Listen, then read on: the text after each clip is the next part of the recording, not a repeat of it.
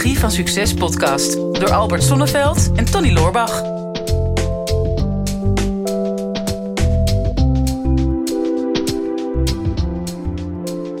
Albert, we hebben een uitdaging gekregen. Dat meen je niet. Ja, Ik ben dol op uitdagingen. mocht het een keer. Vraagje van, eh, van Nick de Jager. Zegt, hey Tony, ik heb een vraag voor de podcast. Hoe kom je af van denken in goed en fout? Hoe kan je oordelen uitstellen of zelfs vermijden? Knap als jullie dat in 20 minuutjes uitgelegd krijgen. Ja, Nou, vind ik een goede vraag. ja. Of vind je niet? Jij vindt het een foute vraag. Nou ja, ik, ik, zit, ik denk, hey, als, als wij knap zijn om dat in 20 minuten eh, voor elkaar te krijgen. Ik weet niet wat voor beeld dat hij heeft, maar eh, Ja, geen positief beeld natuurlijk. Zeg meer over hem dan over ons. Ja, Ja, ik wil niet oordelen, maar eh, nee. Doe het Eh, toch. Zullen, zullen, we het, eh, zullen we het eens aangaan, die uitdaging? Laten we dat eens aangaan, ja. Ik vind het sowieso wel interessant. Eh, kijk, het is natuurlijk een, een, een, een tweeledige vraag, maar hoe kan je oordelen uitstellen of zelfs vermijden? Ik vind het mooi dat woord uitstellen eerst. Ja, Dan denk je, ja, maar kijk, ik kan me heel goed voorstellen dat je van oordelen af zou willen komen. Maar als je het nog niet helemaal jezelf dat nog niet helemaal ziet doen, dan is het wel veilig om te zeggen, hoe kan ik dit in eerste instantie uitstellen? ja. Maar dat is natuurlijk niet echt een oplossing. Alles behalve een, eh, een oplossing. Nee, oordelen is, is iets wat we allemaal doen. Het is, probeer maar eens, dat zou een mooie uitdaging zijn. Het is mij nog nooit gelukt om 24 uur lang Mhm, niet te oordelen mhm. over jezelf of over andere mensen. Ja. Ehm, voor mij is dat onmogelijk. Mhm. En dus op het moment dat je, hè, want wat is eigenlijk de rol van oordelen? Dat ontstaat op het moment dat je gaat vergelijken met andere mensen. En er zit zo'n diepe overtuiging in ieder mens van ergens is er een gevoel gekomen van ik ben niet goed genoeg. Dat is misschien wel een van de sterkste kernovertuigingen die waar, waar een mens mee rond kan lopen. En dat ontstaat ergens een keer in je jeugd. Hè? Dus eh, vaak begint dat eh, ongeveer tot je derde jaar. Dan heb je nog niet zoveel bewustzijn van de omgeving. Eh, heb je ook nog niet zoveel gedachten over jezelf. Dus je hebt een mooie tekening gemaakt. Je rent de woonkamer binnen. Je houdt die tekening in de lucht. En, je, en de hele omgeving zegt: Oh, dat heb je mooi gemaakt. Ja. Ja, dat is fantastisch. Dat is gewoon liegen. hè? Ja, ja. Nou ja, je denkt dan dat je opvoedkundig iets, eh, iets verstandig doet. Maar op een gegeven moment, en wanneer dat kind dan voor de vijfde keer met die tekening binnenkomt lopen. Kijk eens wat ik nu weer heb gemaakt. En dan kan het zijn dat je als ouder dat een beetje beu bent. En zegt, ja, nu weten we het wel. Precies. Of ik zie geen progressie. Ik zie geen... of eh, ja, maar eh, je hebt niet helemaal binnen de lijntjes gekleurd. Mhm. En dan is er dus ergens, trek je als kind de conclusie. Het is niet zo erg dat die ouders dat zeggen, maar je trekt dus de conclusie over jezelf. Oh, blijkbaar ben ik niet goed genoeg. Of blijkbaar ben ik niet zo geliefd als dat ik dacht dat ik was. Mhm. En dat, dat voelt, en ik, ik ga het groot zeggen, maar zo wordt het vaak wel ervaren als een soort trauma, als een soort oertrauma. Mensen, als kind krimp je dan een beetje. Tot die tijd stond je hart wagenwijd open, je dartelde door het leven, je was gefascineerd door alles. Je was helemaal blij met, ik weet niet of je dat kent, Lego. Hè? Ja, ja, ja, ja. Helemaal blij. En nou ja, goed, dat was je dan eh, was je daarmee aan het spelen. Maar op, op een gegeven moment, als je daar geen complimenten meer over kreeg. En, en je kreeg daar een negatieve opmerking over, dan iets, dan krimp je. En als je krimpt, dan word je vanaf dat moment wat voorzichtiger. Mhm. Eh, je wordt iets meer op je hoede. Dus net zoals als eh, liegen. Tot je derde jaar lieg je ook niet. Totdat je merkt dat daar een voordeel aan vast zit. Mhm.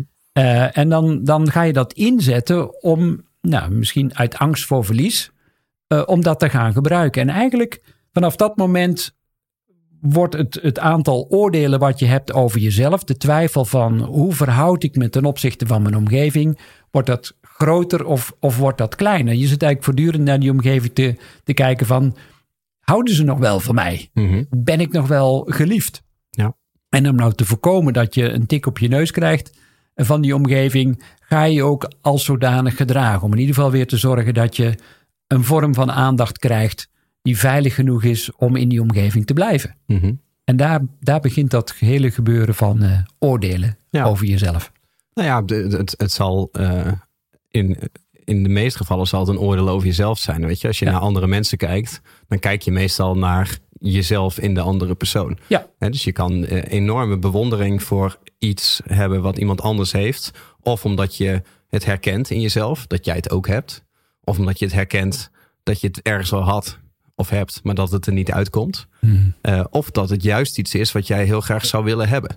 Hè? Dus ja. je betrekt het heel erg op jezelf. En dat is met uh, fout oordelen is dat natuurlijk net zo. Hè? Je ziet een eigenschap bij iemand anders waarvan je hem zelf helemaal niet hebt en ook nooit zou willen hebben. Of omdat je stiekem wel weet dat je hem eigenlijk ook hebt, diezelfde eigenschap. Hè? Het wordt alleen bij een ander wordt het, wordt het uitvergroot. Nou denk ik helemaal niet dat het, um, dat het fout is om te oordelen. Nee. Hè? Dus sowieso is dit een oordeel over te oordelen. ik heb hier wel een oordeel over, merk ik. Maar Um, want, het, want het kan juist een heel sterk wapen zijn. Weet je, op het moment dat je ergens onzeker over voelt en je, je oordeelt over jezelf, dan, dan is dat wel een weg naar ontwikkeling. Hè? Ja. Dus, dus frustratie ademt ambitie. Op het moment dat jij iemand anders oordeelt ergens over of je oordeelt jezelf, dan is dat een optie om, om ergens in te groeien. Dus dat, dat lijkt me alleen maar positief. Dat is net als bij twijfel. Hè? Dan ben je bereid om dingen te onderzoeken. Mm -hmm. Dus, en dat wil je. Uiteindelijk staat, zoals, zoals ik er naar kijk, alles ten dienste van de groei. Je wil groeien, je wil ontwikkelen. En dat kan je alleen maar doen op het moment dat je vergelijkt met andere mensen. Ja. Nou, wanneer wordt het nou lastig? Hè? Wanneer overschrijd je nu die grens van vergelijken om te groeien naar oordeel? Een oordeel is, is dat je jezelf kleiner houdt dan dat je bedoeld bent. He, dus dan, dan komt er schaamte of dan komt er schuldgevoel of dan komt er in ieder geval iets wat, wat een negatieve lading krijgt, die meer energie kost dan dat je ervan krijgt. Mhm. Als je positief wordt uitgedaagd door je te vergelijken, ja, dan zit daar potentie van groei. Maar op het moment dat het juist de tegenovergestelde richting op werkt, dat je steeds kleiner gaat maken, ja, dan, dan voel je wel dat het energie kost en dan, dan groei je niet meer en uiteindelijk heb je dan een hoop stress. Ja, want ik niet. zit uh, elke week in die podcast van ons zit ik te luisteren naar jou. En denk, wat zegt die man allemaal slimme dingen? Dat zou ik ook wel willen. En dat, dat is een positief oordeel. Dus dat, dat laat, mij, laat mij groeien. Ja, Maar Ah, het wordt pas een probleem als je er inderdaad last van, van gaat hebben. Hè? Dus als je, er, als je er stress van hebt. Want het is helemaal niet raar dat je, dat je een oordeel hebt. Sterker nog, dat is ook waar je een band mee vormt met, met andere mensen. Hè, moet je je voorstellen dat straks in de Tweede Kamer... dat daar de algemene beschouwingen zijn... en dat alle politieke leiders één voor één naar het spreekgestoel te lopen... en zeggen, ja, maakt mij eigenlijk allemaal niet uit. Ik heb niet echt een oordeel ergens over. Nee. Ja, dan, kom, dan komen we ook niet per se heel veel verder. Het zit juist in die, in die frictie in het, in het niet met elkaar eens zijn waar een bepaalde, bepaalde groei zit. Dus dat is ook helemaal niet raar. Uh, je merkt ook vaak dat als je uh, met andere mensen uh, connect, dat zeg maar de dingen waar je beide hetzelfde oordeel over hebt, of de dingen die je beide vervelend vindt, of waar je geen fan van bent, dat dat een sterkere band schept dan de dingen waar je wel fan van bent. Ja. Dus negativiteit smeet een betere band. Dat is eigenlijk heel raar. Um, maar ja, om, omarm dat, weet je, dat, uh, dat is er. Alleen het moet jou niet uh, minder laten voelen. Het Nee. moet je niet uh, stress geven. Of het moet een ander niet benadelen. Nou ja, dus, dus de vraag is van, zijn er wat tips of adviezen om dat te voorkomen? Nou, het Mhm. eerste is natuurlijk dat je je bewust wordt, daar begint het altijd weer mee, dat je bewust wordt van die negatieve gedachten en die negatieve gevoelens die je hebt over jezelf. Daar begint het mee. Als je dat niet in de gaten hebt, maar je, je voelt je alleen maar vervelend en in je handelt ernaar, maar je weet niet waar het vandaan komt, Mhm. um, ja, dan, dan kun je er lang in blijven zitten. Maar op een gegeven moment kun je een soort dagboekje bijhouden. Zeg, hè, voordat je gaat slapen, je ligt te piekeren en denk, nou, hoe komt het nu dat ik nou nog steeds aan het malen ben in mijn hoofd? Wat zijn nu de meest voorkomende gedachten die terugkomen? Dan zul je merken dat dat 9 van de 10 gedachten zijn die te maken hebben met een oordeel over jezelf. Ik ben Mhm. niet goed genoeg, ik ben te jong, ik ben te oud, ik heb niet genoeg geleerd. Ehm, al die overtuigingen die je hebt over jezelf, breng die in kaart en pak er dan de, degene uit die het, die het meest energie kost voor jou. En zoek dan een goede vriend op of een betaalde vriend, een coach of een therapeut. Koop een vriend. koop, koop een vriend. En, en er zijn echt hele mooie methodes om daarmee te werken. Cognitieve gedragstherapie of NLP, neurolinguistisch programmeren. Of vier vragen die, uh, die, uh, die je leven veranderen hè, van Byron Katie. Of um, nou ja, noem het maar op. Er zijn rationeel-emotieve training. Er zijn best wel veel methodes ontwikkeld om anders met die oordelen over jezelf om te gaan. Mm -hmm. En dan helpt mindfulness ook. Hè? Want, uh, nou, heel populair tegenwoordig, mindfulness. Maar wat doet mindfulness? Die, die zorgt dat je niet zozeer in het verleden blijft hangen en niet zoveel met de toekomst bezig bent.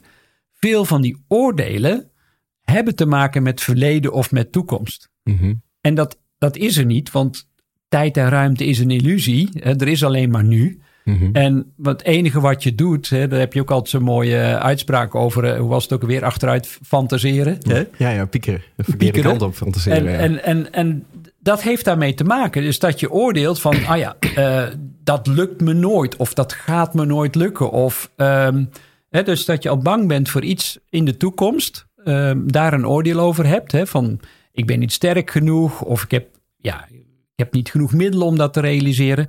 Maar dat is allemaal gebaseerd op iets uit het verleden. En wanneer je volledig mindful bent in het hier en nu. En denkt, oké, als dit het resultaat is van alle keuzes die ik tot nu toe heb gemaakt in mijn leven. Ja, waar heb ik het dan over? De- Mhm. ik, ik kan alleen maar andere keuzes maken. Dus in het mindful in het hier en nu zijn, dat is ook zo'n tip die je kan helpen om uit het oordeel te blijven. Wat mensen ook nog wel eens de neiging hebben als ze gaan oordelen, is dat ze generaliseren. Mhm. Eh, alle mannen zijn klootzakken en, en alle vrouwen zijn heksen. En nou ja, goed. zo, zo kunnen we er nog wel. eh, en, eh, en alle ondernemers zijn graaiers. En, nou, en alle andere mensen die dat niet zijn, dat zijn profiteurs. Mhm. Op het moment dat je dat gaat doen, dat, dan moet je gaan realiseren, ja, wat een onzin. Want natuurlijk zijn niet alle mannen klootzakken. En natuurlijk zijn niet alle vrouwen heksen. Want er zijn altijd mensen bij die En altijd uitzonderingen. er zijn, er zijn altijd uitzonderingen.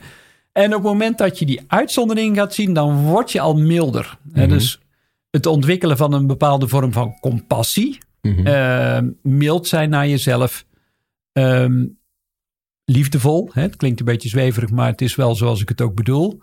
Ja, dan zul je al merken dat ja, het veel waardevoller is om naar jezelf te kijken op een mildere manier. Waarom zou je het niet doen? Mhm. Eh, ehm, er zijn zoveel mensen die zijn opgevoed met.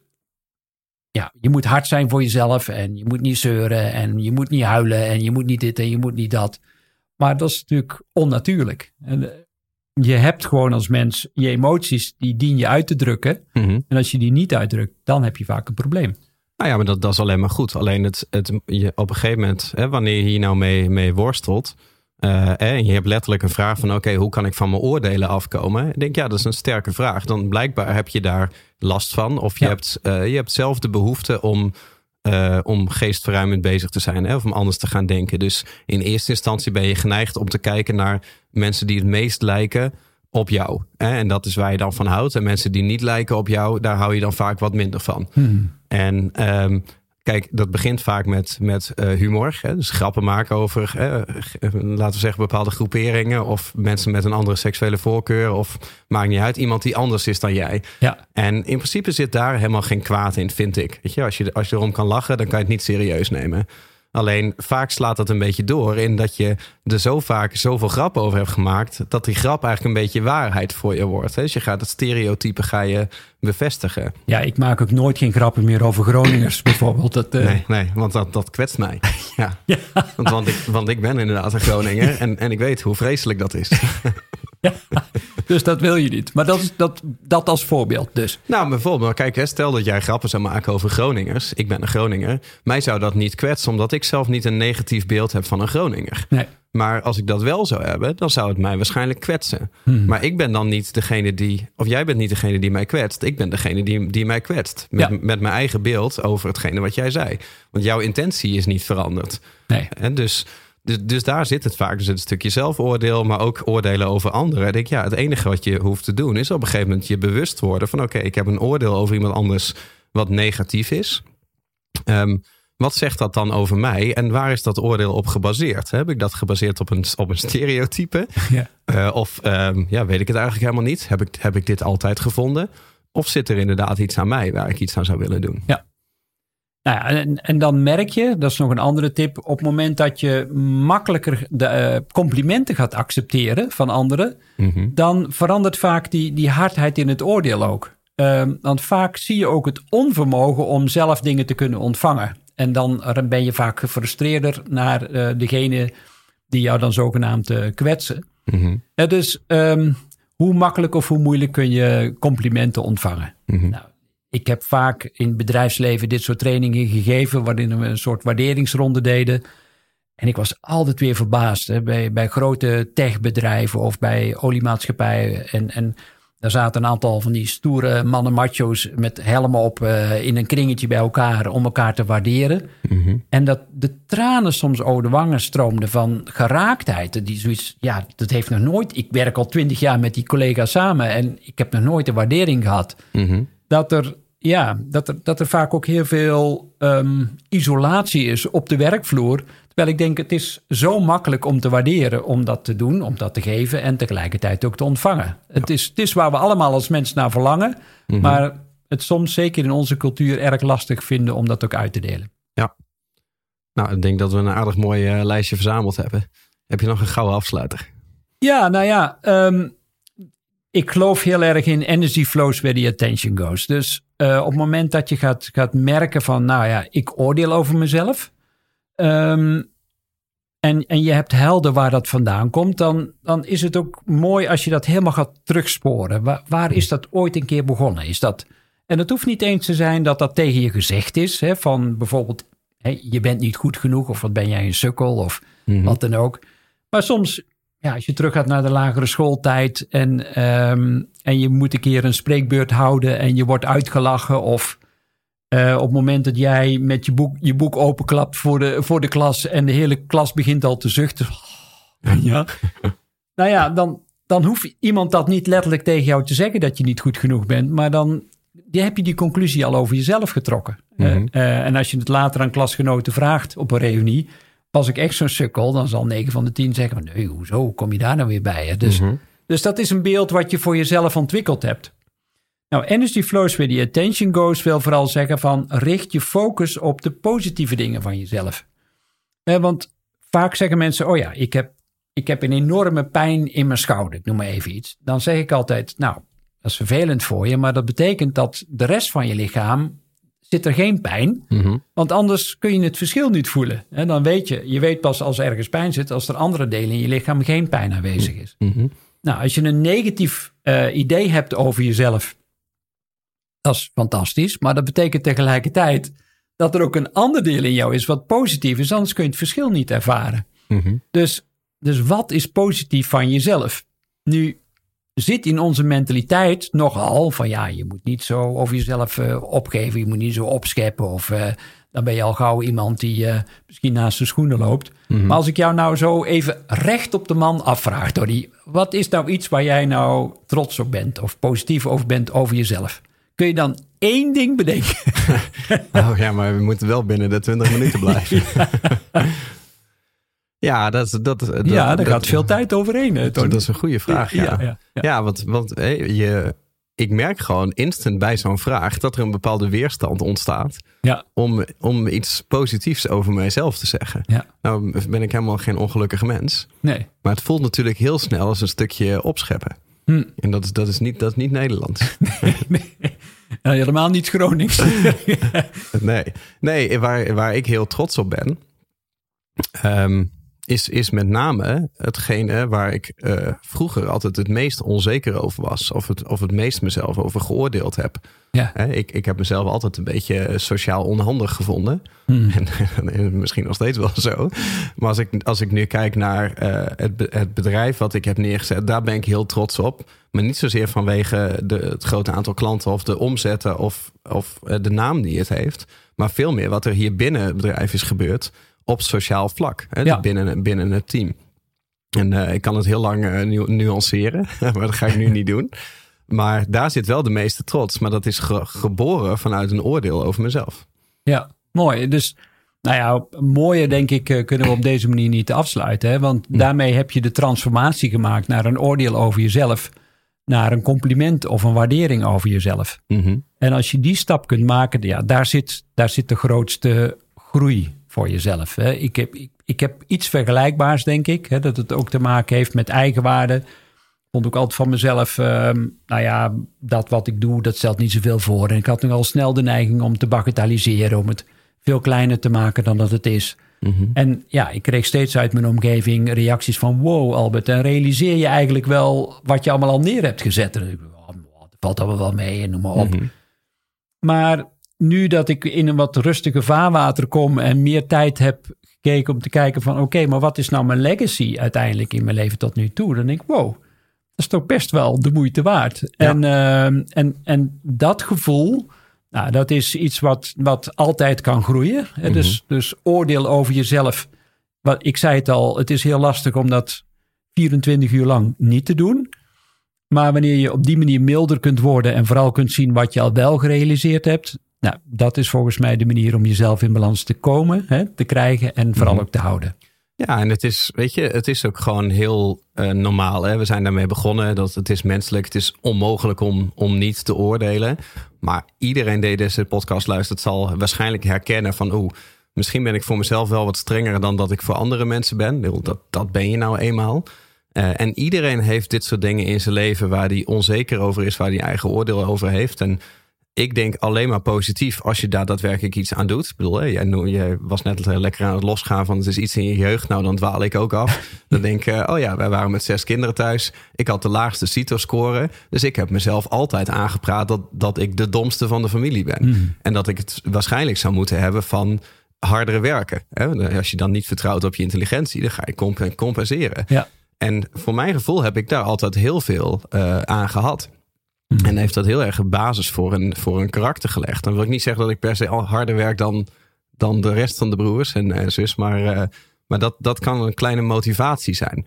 En eh, dan is het alleen maar positief als je daar nu zelf over nadenkt. Van wat is nou het zwaarste oordeel wat ik over mezelf heb? Hmm. Eh, ja, waar, waar heb ik de progressie gemaakt? Hè? Is het al beter dan dat het eerder was? Heb ik daar onlangs heb ik daar stappen in gezet? Of kan ik mezelf uitdagen om daar nu een stap in te gaan zetten? Ja, en dan zul je zien dat het echt een hele belangrijke motor wordt. Vond, je nou, vond je dit nou een goede podcast, eh, Tony? Oh, gemiddeld, gemiddeld. Ik heb er niet echt een oordeel over. ik ook niet. Ik denk dat het wel oké was. Volgens mij ook wel. Dit is de Psychologie van Succes podcast door Albert Sonneveld en Tony Loorbach. Ja, beste luisteraars, dat was hem alweer voor vandaag. Weer een aflevering voorbij van eh, de Psychologie van Succes. Ik hoop dat je het waardevol hebt gevonden. En ehm, wat je ons dat ook zou willen laten weten. Eh, mocht je nog niet geabonneerd zijn op onze podcast, doe dat dan even. En wat we heel erg tof zouden vinden, is als je ook even een review zou willen achterlaten. We vinden het natuurlijk heel leuk om te horen van jou wat je van de podcast vond, welke inzichten je eruit hebt gehaald. En om dat natuurlijk in de review-sectie terug te gaan lezen. Heb je nou een vraag en je zou graag met jouw vraag in de uitzending willen komen? Stel hem dan op eh, de social media. Onze kanalen zijn vooral LinkedIn en natuurlijk Instagram. De beste vragen pakken we eruit en grote kans dat je dan terugkomt in deze podcast.